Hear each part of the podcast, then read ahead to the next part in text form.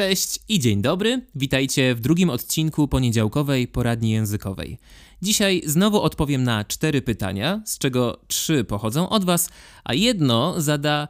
No zresztą zaraz się przekonacie, kto zada to pytanie. Zaczynamy. Poniedziałkowa poradnia językowa.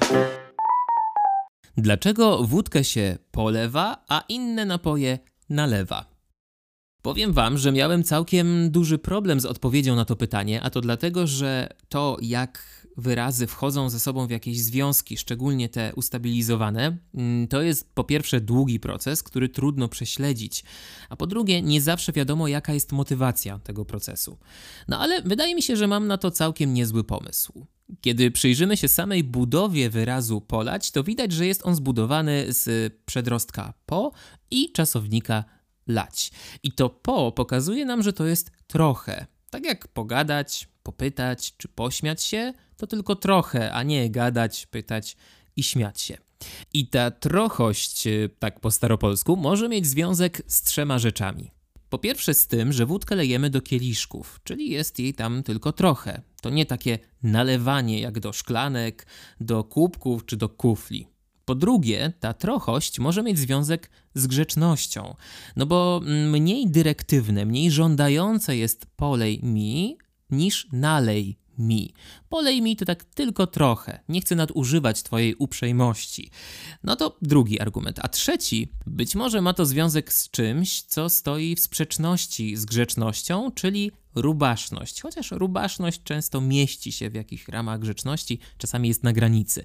I ta rubaszność mogłaby mieć związek z tym, że polewanie to jest jednak tak, tak po wierzchu, tak trochę zamaszyście, y, no tak jak to na imprezach czasami po prostu bywa. Ale przyjrzyjmy się jeszcze samej konstrukcji, bo mamy tutaj najczęściej, i na to wskazują teksty, polać, polewać wódki, a nie wódkę, czyli mamy dopełniacz, a nie biernik. Dopełniacz partytywny, czyli taki, który pokazuje nam, że jest to jakaś część, jakieś trochę właśnie, o którym tutaj mowa.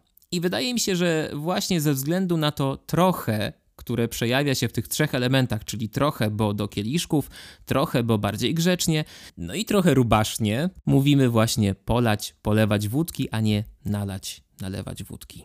No to teraz czas na pytanie numer dwa, które zada osoba naprawdę dla mnie wyjątkowa. Toż pierwsze to nasze spotkanie. Tutaj. Czyż nie winno być chwilą cudowną, tętniącą emocją? Ale do rzeczy. Mam pytanie o mieszkanie, a raczej o nie o mieszkanie. To jedno z wyrażeń, które bardzo lubię i dość często stosuję. Nie omieszkam tego zrobić, dobrze, że nie omieszkałeś zapytać i tak dalej. Ale intryguje mnie pewna kwestia, kwestia mieszkania. Czy nie omieszkać ma coś wspólnego właśnie z mieszkaniem? I czy jeśli można nie omieszkać, to można również coś omieszkać? Serdecznie pozdrawiam. Agnieszka Kunikowska.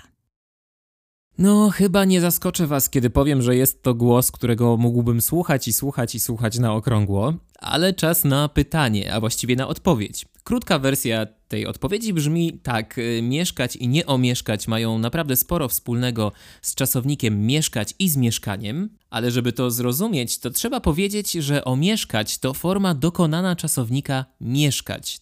Tak jak mamy na przykład cucić, czyli przywracać komuś świadomość i co zrobić? Ocucić. Tak samo było mieszkać i co zrobić? Omieszkać. A co znaczyło mieszkać? Dawniej mieszkać to zwlekać, ociągać się i robić coś powoli. A z tego później powstało znaczenie zaniedbywać. Czyli jeżeli mieszkać oznaczało zaniedbywać, to dokonana forma omieszkać znaczyła zaniedbać. I to dlatego właśnie, jeżeli ktoś nie omieszka czegoś zrobić, to znaczy, że nie zaniedba tej sprawy i na pewno to coś, o czym mowa, zrobi. Ale co ma z tym wszystkim wspólnego współczesny czasownik mieszkać? No to znaczenie wyrazu mieszkać, czyli ociągać się, guzdrać i zwlekać, przekształciło się w rozumienie ociągać się, zwlekać z wyjazdem. Czyli inaczej mówiąc, zostać gdzieś na dłużej. I od tego znaczenia już bardzo prosta droga do naszego współczesnego rozumienia wyrazu mieszkać, czyli właśnie gdzieś przebywać. No dobra, to czas na pytanie numer 3. Dlaczego mówimy, że coś rozeszło się albo sprzedało na pniu?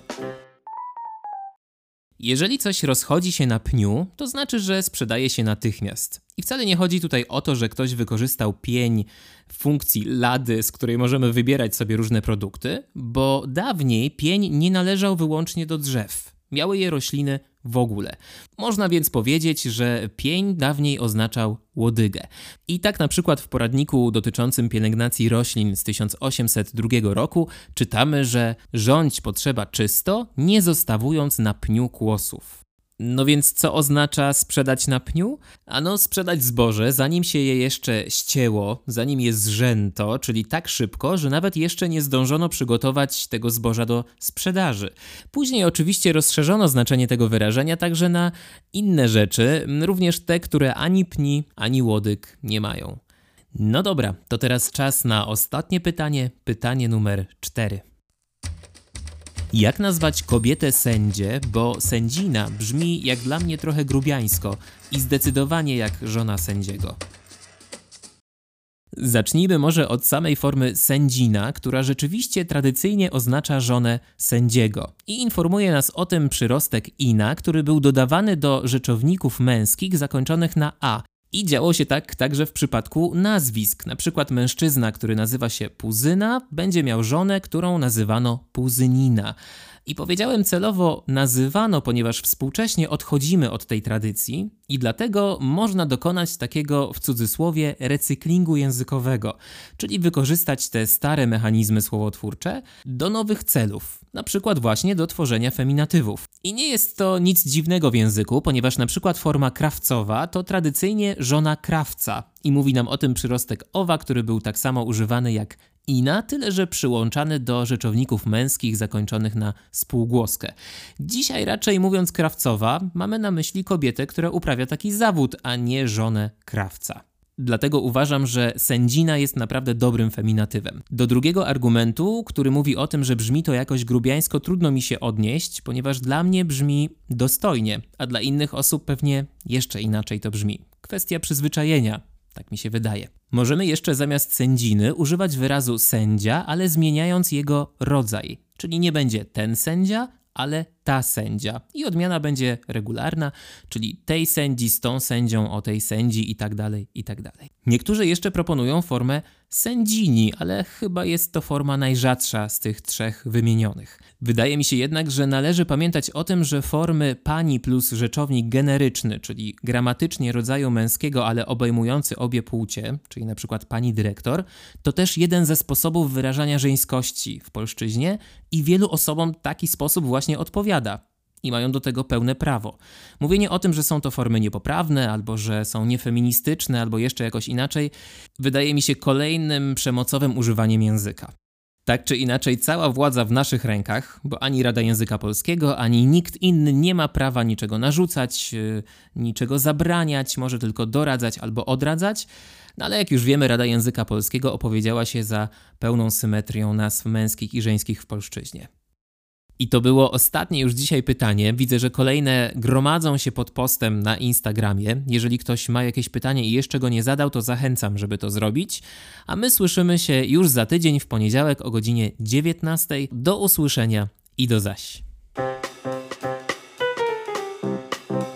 Poniedziałkowa poradnia językowa.